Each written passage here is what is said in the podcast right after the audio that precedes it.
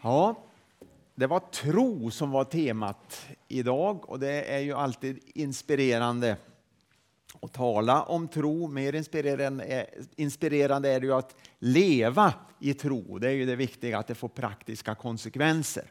Att det inte bara blir en teori. Eh, en del av er har säkert hört den här historien. Den finns med i Alfa-boken eh, i inledningen av när det, när det talas om tro också. Det finns lite olika versioner, men det var en präst som var ute och åkte bil. Han var prästklädd också. Han hade kragen och allt det här. Så det var tydligt att han var en präst. Så fick han bensinstopp och så visste han inte vad han skulle göra riktigt, men som tur var var det en gård som var nära, en bondgård, så han gick till den och så knackade han på dörren och så öppnade ägaren till, eh, till huset och så förklarade han sin situation att han hade fått bensinstopp. Och som väl var så hade bonden eh, bensin hemma, gott om bensin, men han hade ingen bensindunk. Det var det stora problemet. Men så kom han på en idé att han, han hade en potta som rymde ett par liter i alla fall. Så eh, prästen fyllde pottan med bensin och så gick han bort till bilen och så började han hälla i i den tomma tanken och så kom den förbipasserande och så fick han se det där, en präst stå med en potta och hälla i tanken och så sa han så här att tänk den som hade en sån tro ändå. ja, så kan det vara. Ja. Eh, Hebreerbrevet eh, har vi läst från elfte kapitlet. Jag kommer att komma, återkomma till det lite grann här. Och sen kommer jag också läsa lite från Romarbrevet och första Moseboken. Och jag kommer att ha Abraham som ett exempel här när det gäller tro. Abraham är ju ett exempel för oss alla, för alla som tror. Och eh, Bibeln talar också om att han är far till alla som tror.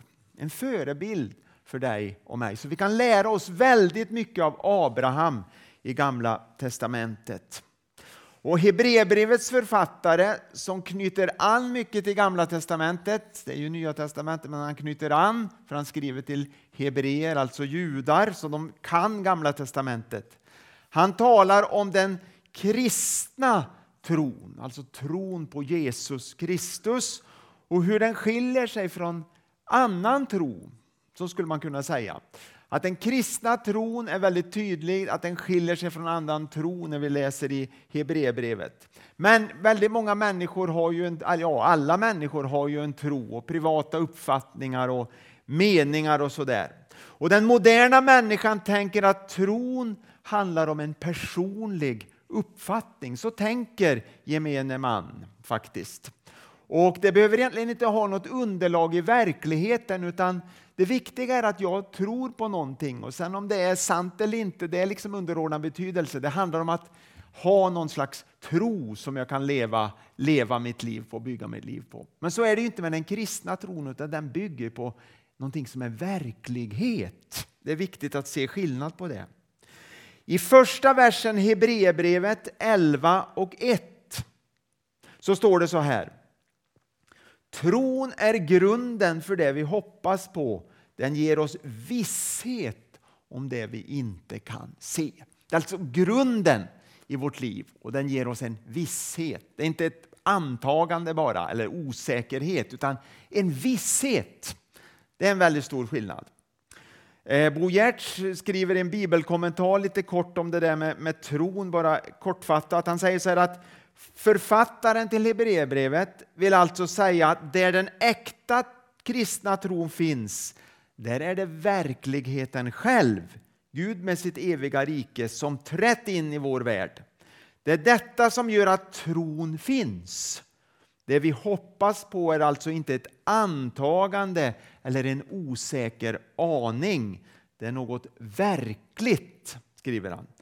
Kristus och hans rike är det som är verkligt. Tron är ett bevis och en garanti för denna verklighet. Alltså vi bygger vår tro på någonting som är verkligt, som finns, som är sant. Det är inte vilken tro som helst, det är inget antagande bara. Och det är ingen känsla sådär i allmänhet, utan det är en fast övertygelse. Otro brukar man tala om ibland otro är ju trons motsats. Otro är ju att man inte vill tro. Ibland så kanske man tänker att man har otro. Jag vet inte om du har tänkt så ibland. Jag har väldigt mycket otro. Men jag tror inte det är så. Om du bekänner dig till Jesus Kristus så tror jag inte det är otro. För otro har med förnekelse att göra. De hör ihop, intimt förknippade med varandra. Så det du har är nog egentligen tvivel. Och man brukar ibland säga så här, jag tycker det är en bra förklaring, det har hjälpt mig väldigt mycket att tvivel, det är inte samma sak som otro. Tvivel har med känslor att göra och man kan säga att tvivlet är trons sjukdom. Det, är inget, det hör ihop med tro. Det finns alltid där. Vi brottas alltid med det, tro och tvivel. Det är inget idealtillstånd. Ibland kan man få för sig det, att man är tvivlare. Det låter väldigt fint och bra. Eh, det är inget idealtillstånd enligt Bibeln, det är det inte. För det kan hindra oss i, i våra böner och, och, att hålla fast vid vad Gud har lovat. Men vi kommer aldrig ifrån tvivlet, utan det drabbar oss alla ibland. Eh, även om man är pastor och ska predika så tvivlar man många gånger och till och med tvivlar över det man ska predika om och predika över. Så är det. Eh, tron föds, säger Bibeln, in i våra hjärtan. Det är någonting övernaturligt som sker. Eh, den är inte medfödd. Många människor, eh, ja alla har ju någon som jag sa innan här, någon slags tro, men många har också någon, eller försöker, försöker och anstränger sig att tro på Gud eller tro som vi kristna gör. Och man säger, tänk, ack om jag hade en sån tro som han är som såg prästen med pottan där.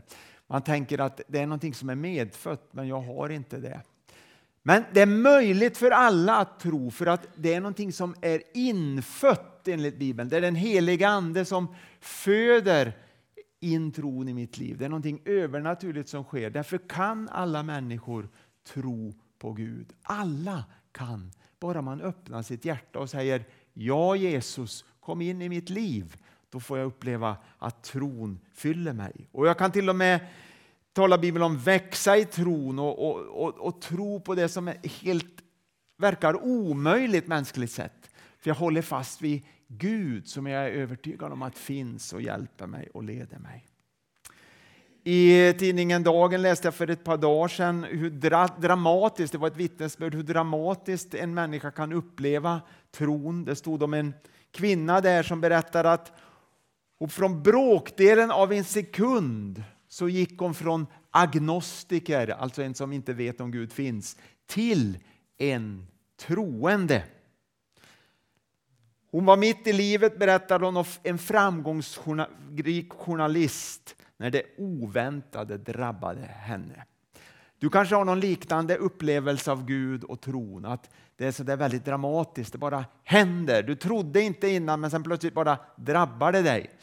De flesta kanske inte har så dramatiska upplevelser men det är inspirerande att läsa om att det förekommer och det händer att människor upplever sådana drastiska upplevelser av Gud. Och det är verkligen att tron föds in i mitt liv. Jag har fyra punkter jag ska ta lite kortfattat om tron. Det första, nummer ett. Bibeln talar om att man blir rättfärdig genom tron. Och då står det så här i Romarbrevet 4 och vers 3, kapitel 4 och 3 och så ska jag läsa också Romarbrevet 5 och 1. Jag läser de två verserna. Då står det så här. Abraham trodde på Gud och därför räknades han som rättfärdig. Och så läser vi i Romarbrevet femte kapitlet och första versen. Så står det så här. Då vi nu har gjorts rättfärdiga genom tro har vi frid med Gud genom vår Herre Jesus Kristus. Vi har frid med Gud. Vi har kommit till ett rätt förhållande till Gud. Det är det som är rättfärdig jord betyder, alltså en juridisk term. Gud tillräknar oss inte våra synder längre. Vi är inte skyldiga längre. Vi är fria. Och Det ger oss frid i hjärtat. Tänk vad fantastiskt att få frid med Gud. Skulle jag få välja någonting i livet som nummer ett så skulle det nog vara frid med Gud. Just det, frid med Gud. Frid med människor också väldigt bra, men det får man på köpet. Det är inte så att alla människor kommer att tycka om mig, men jag kan ändå få en frid, en, en, en harmoni, en försoning. Även människor som inte tycker om mig kan jag få ha frid med. Från min, min, min horisont. Men det grundar sig i frid med Gud. Jag tror det är det största man kan få vara med om. Det är ett faktum att vi är rättfärdiggjorda, med Gud, rättfärdiggjorda genom tro. Det är inte en känsla bara, även om det kommer över oss ibland. Wow, vad fantastiskt, vad härligt det är att få tillhöra Jesus. Jag tror att du har känt så många gånger också, men det är inte alltid man upplever det så. Inte varje stund och varje tillfälle. Ibland är det jobbigt också i livet, det vet vi. Men det är ett faktum, ett förhållande oavsett. Gud utväljer det som ingenting är för att göra något stort. Där är Abraham ett fantastiskt exempel och hans fru Sara. Det är ingen slump att han valde de två, att de inte heller kunde få barn.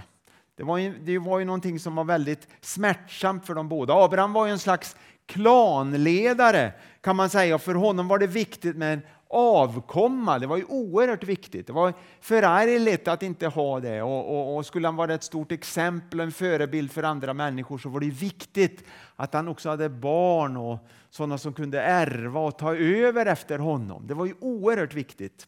Och, och så det var en väldig brottningskamp.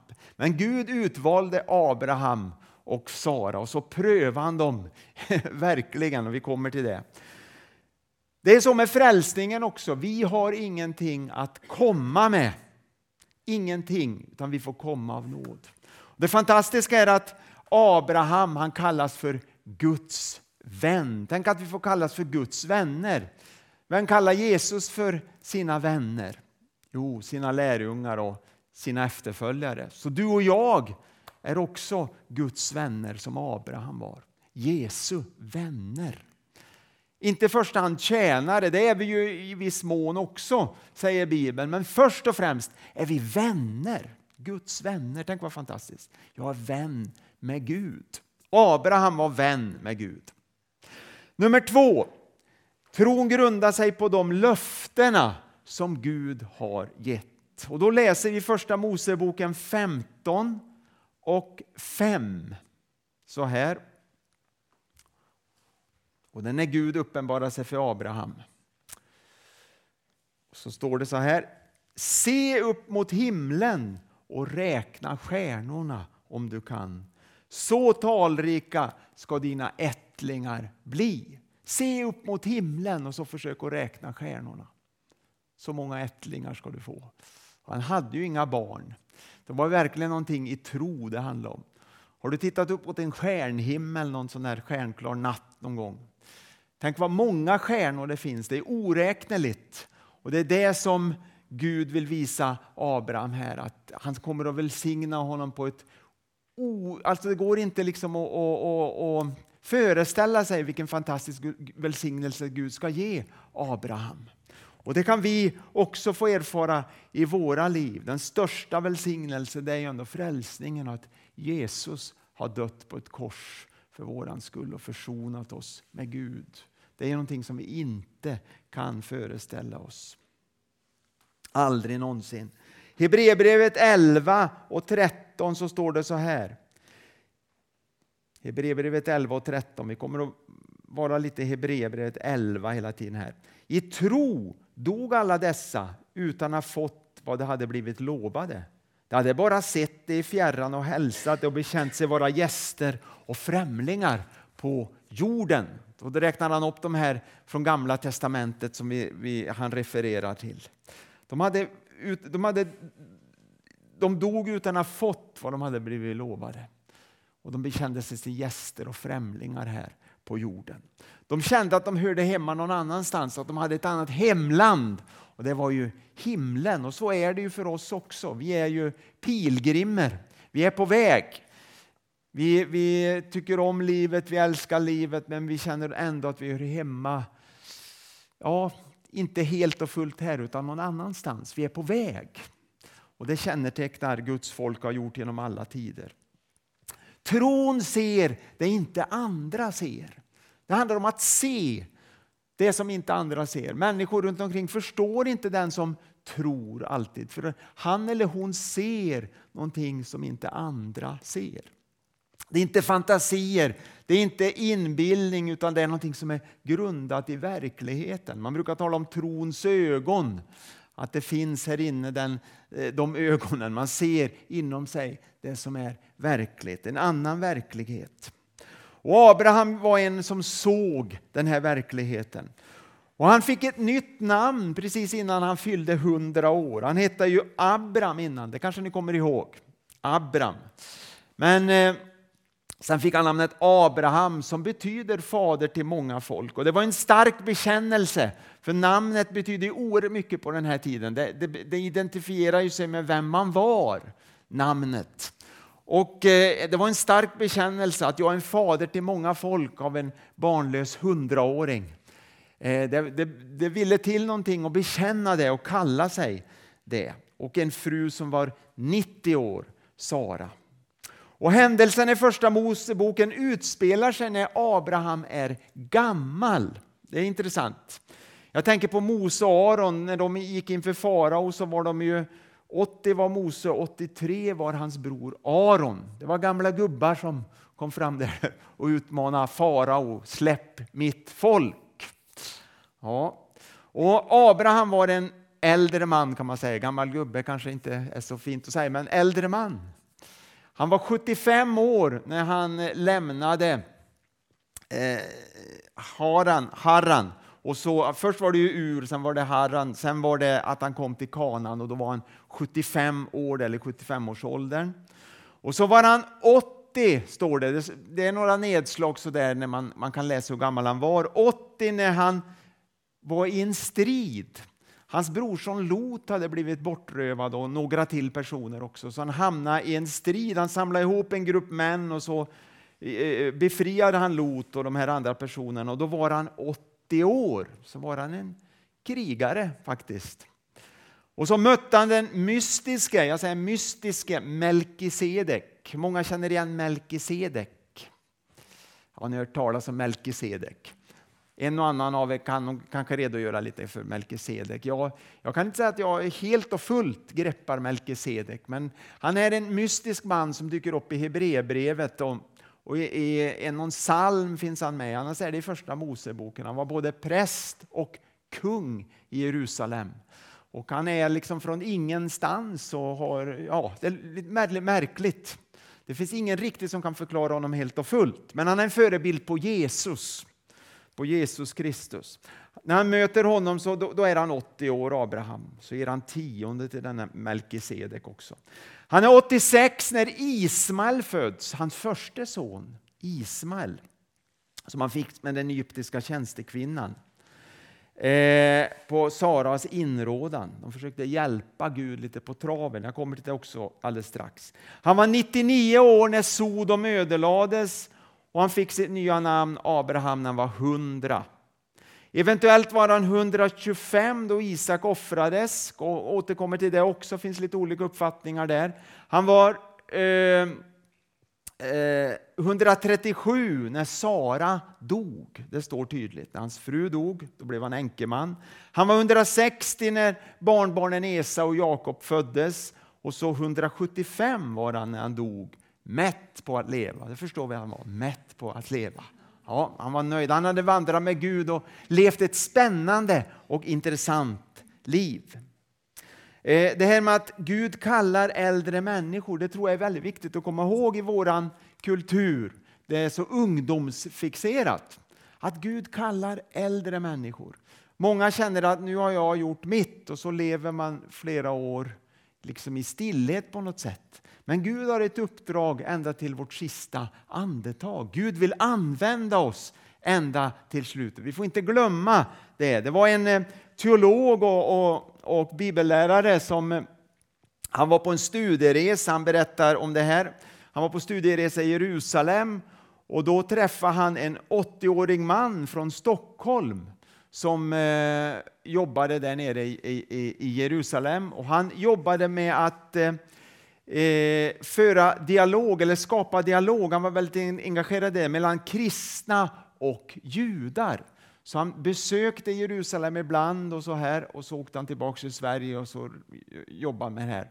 Och han var 80 år gammal, han kom från Stockholm då. Och så fick han en fråga om han hade funderat på att flytta till den heliga staden Jerusalem. Då sa han så här, inte än, men vi får se framöver. Ja, han var inte färdig, utan han tänkte att det finns nog många år kvar här. Det vet vi ju inte. Ingen vet hur morgondagen ser ut. Men det handlar om att vara trogen, att förvalta sitt pund till sista dagen här på jorden. Det kan vi alla göra. Och vi kan få vara till stor välsignelse när vi blir äldre. Absolut. För det tredje, tredje punkten. Tron grundar sig inte på vad jag förstår utan på lydnad. Hebreerbrevet 11.8 säger så här. I tro lydde Abraham när han blev kallad. Han drog bort till ett land som skulle bli hans. Och han drog bort utan att veta vart han skulle komma. Han visste inte. Det handlar om att lyda Gud. Vi vill veta. Är du sån? Jag är sån många gånger. Jag vill veta vad Gud vill göra och vad han har tänkt. Men Gud utmanar oss att gå fast vi inte har alla mänskliga garantier. Ofta är, finns det inga garantier alls. Ibland är det som om Gud sviker oss. Vi kan känna det att Gud gjorde inte riktigt som jag hade tänkt eller ja, hade jag hoppats. Men Gud vill lära oss att alltid vara beroende av honom. Det är det viktiga. Och Det handlar hela livet om att Gud arbetar med oss så att vi ska kunna vara beroende av honom och tro på honom och lita på hans ord hela tiden. På något vis verkar det som att hela livet går ut på det och det är där jag växer, att förtrösta mer och mer på Gud. Och han blir aldrig liksom färdig med oss. Det blir han aldrig. Hemma i himlen, då är vi eh, då behövs det inte mer att han formar oss på det viset. Men så länge vi lever här på jorden så är det som att Gud jobbar med oss hela tiden. Jag tror du känner igen vad jag talar om. I Hebreerbrevet 11, 9-10 så står det så här. I tro slog han sig ner i det utlovade landet som ett främmande land och bodde i tält, liksom Isak och Jakob som hade fått del i samma löfte.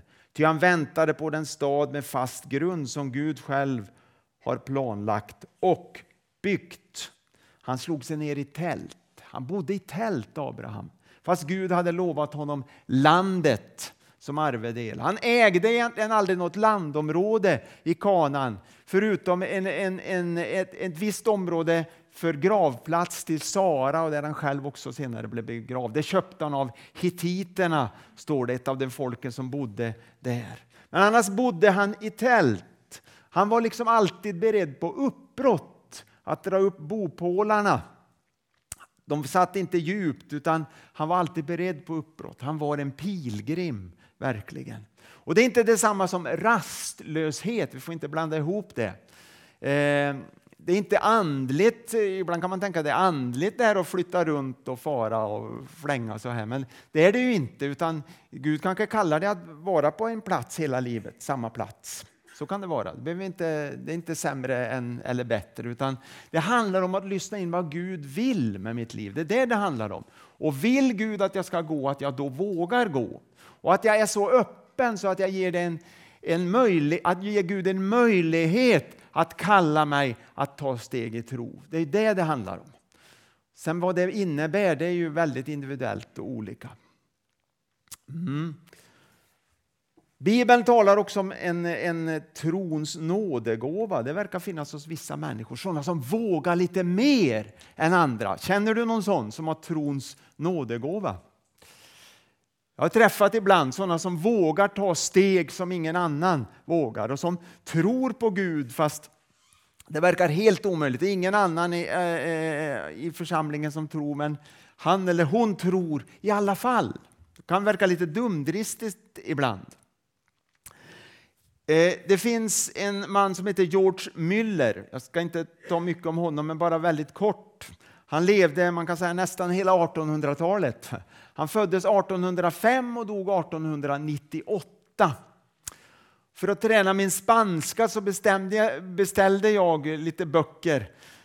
Vi har några böcker hemma, eh, Algunos Libros, med en del sådana här eh, eh gudsmän och gudskvinnor i historien. Eh, sådana här som har verkligen betytt mycket och, och varit väldigt intressant att läsa. Ganska lättläst ändå, så det var därför jag kände att jag kan ge mig på dem också. För just för att hålla, mitt, hålla språket upp också med, med spanskan. Men väldigt intressanta berättelser med sån här pocketform. Och då var det en bok om George Müller.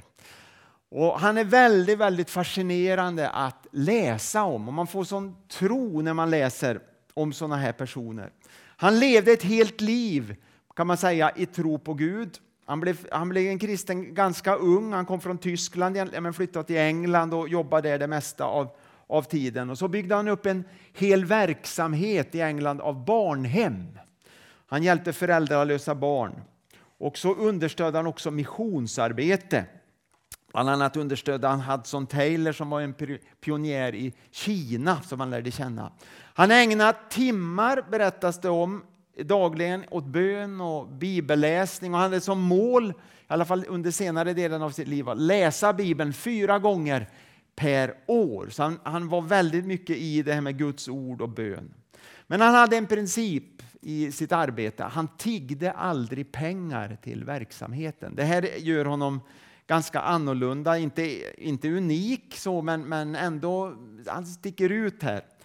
Han litade alltid på att Gud försåg. Och han dokumenterade alla gåvor och alla donationer han fick. Han sparade alla kvitton i minsta detalj. Det kunde vara små, små grejer bara som man fick. Så skrev man kvitton och så här och så sparade han allt. Han var väldigt mån om att de som gav de skulle veta att det gick till Guds verk och blev till välsignelse. Och ingen kunde anklaga honom för något oärligt eller något. Här, är det ju jättemycket man kan jag tänker på organisationer, kristna och så här idag som man kan lära sig. Eh, han dokumenterar som sagt allt. Och egna pengar så gav han ju bort det mesta också, han behöll ju inte mycket för sig själv. Eh, han trodde starkt på bön.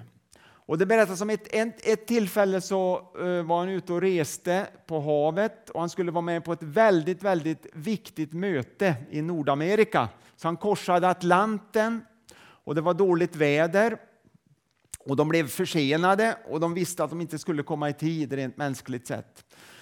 Men det här mötet var så viktigt, det hade nog vad jag förstår väldigt mycket med hela resan att göra. Så han, han, han kände att jag måste be till Gud om det här. Och han sa till kaptenen att du får vara med mig och be också. Och kaptenen var med, var med på det. Så de gick in i hytten där och så böjde de knä och så bad de. Och han bad kort, George Müller.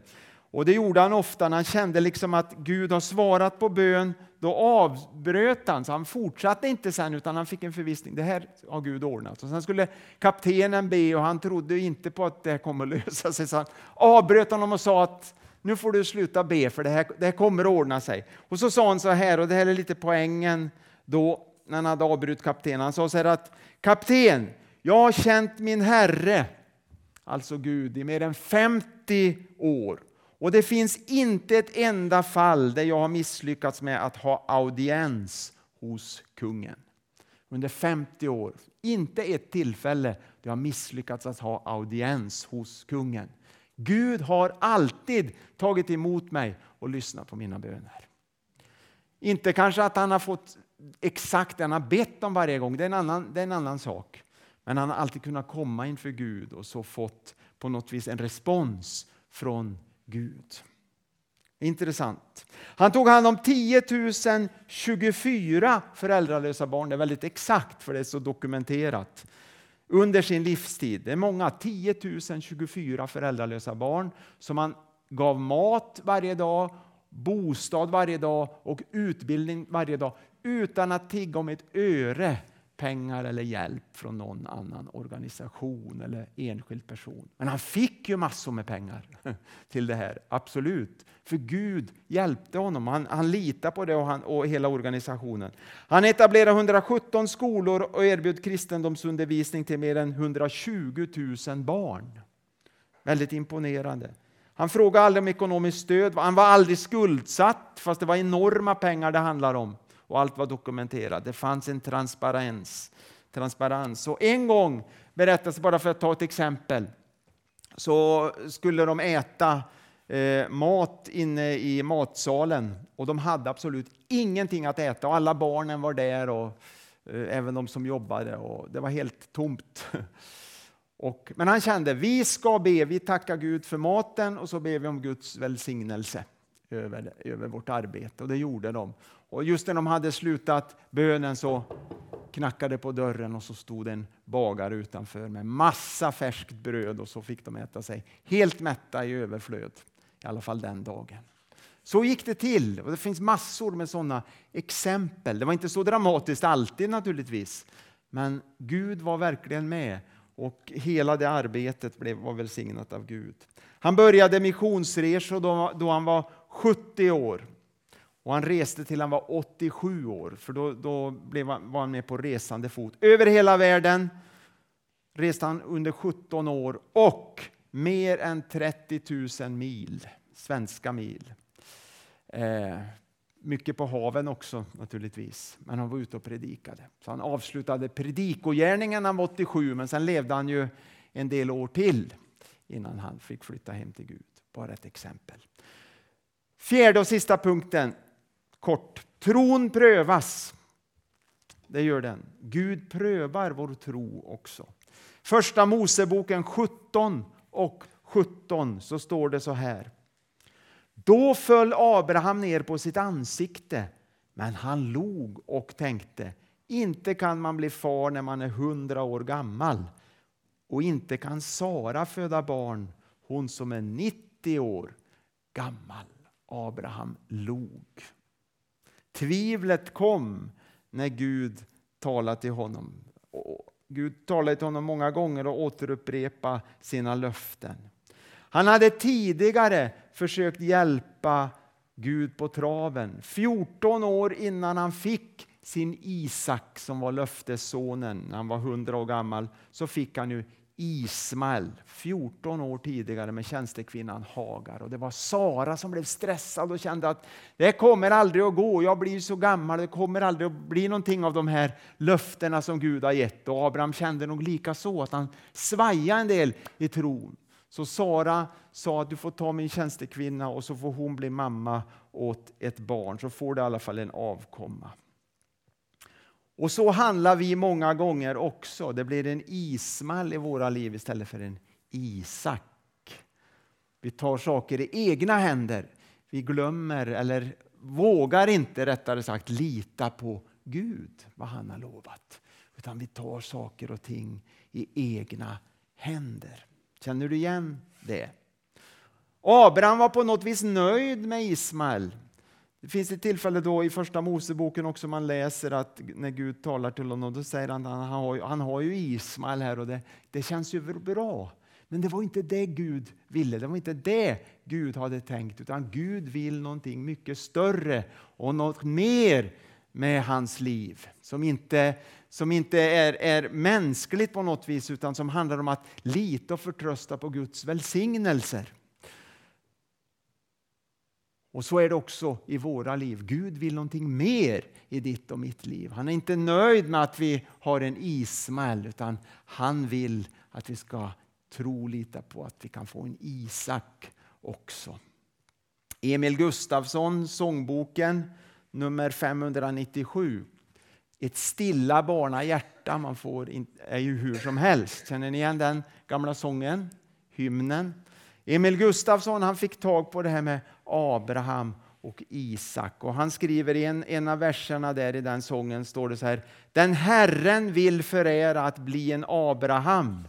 Sin Isak måste bära som lydnadsoffer fram.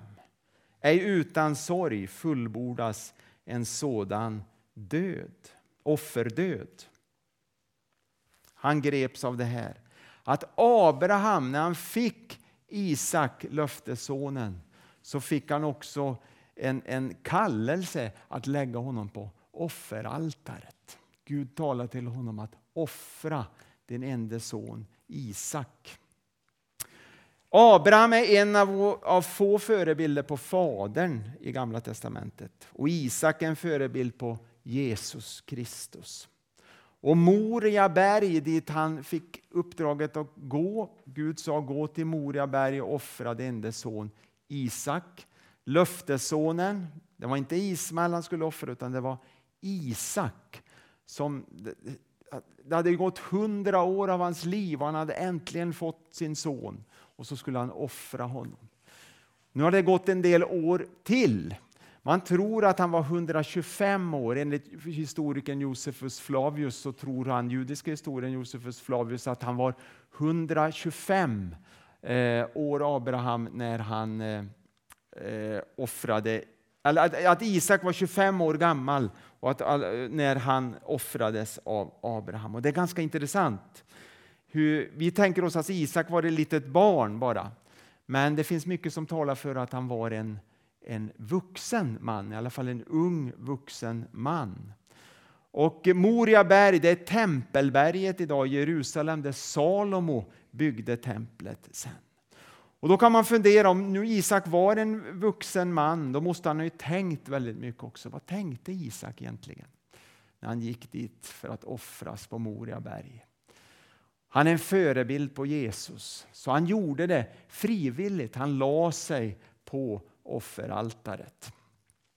Vi vet ju när vi läser bibelordet att Abraham behövde ju aldrig offra honom eh, så att säga på riktigt så, men ändå i sitt hjärta så la han ju honom på offeraltaret.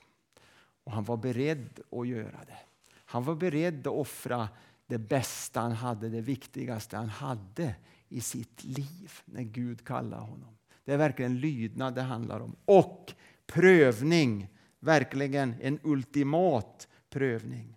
Isak står det att han bar själv veden till brännoffret och det tror man knappast att ett litet barn hade orkat göra för det gick åt ganska mycket ved för att offra. Vad har vi för lärdom av det här? Jo, Guds tankar är större än våra tankar om honom. Och Gud uppfyller alltid sina löften.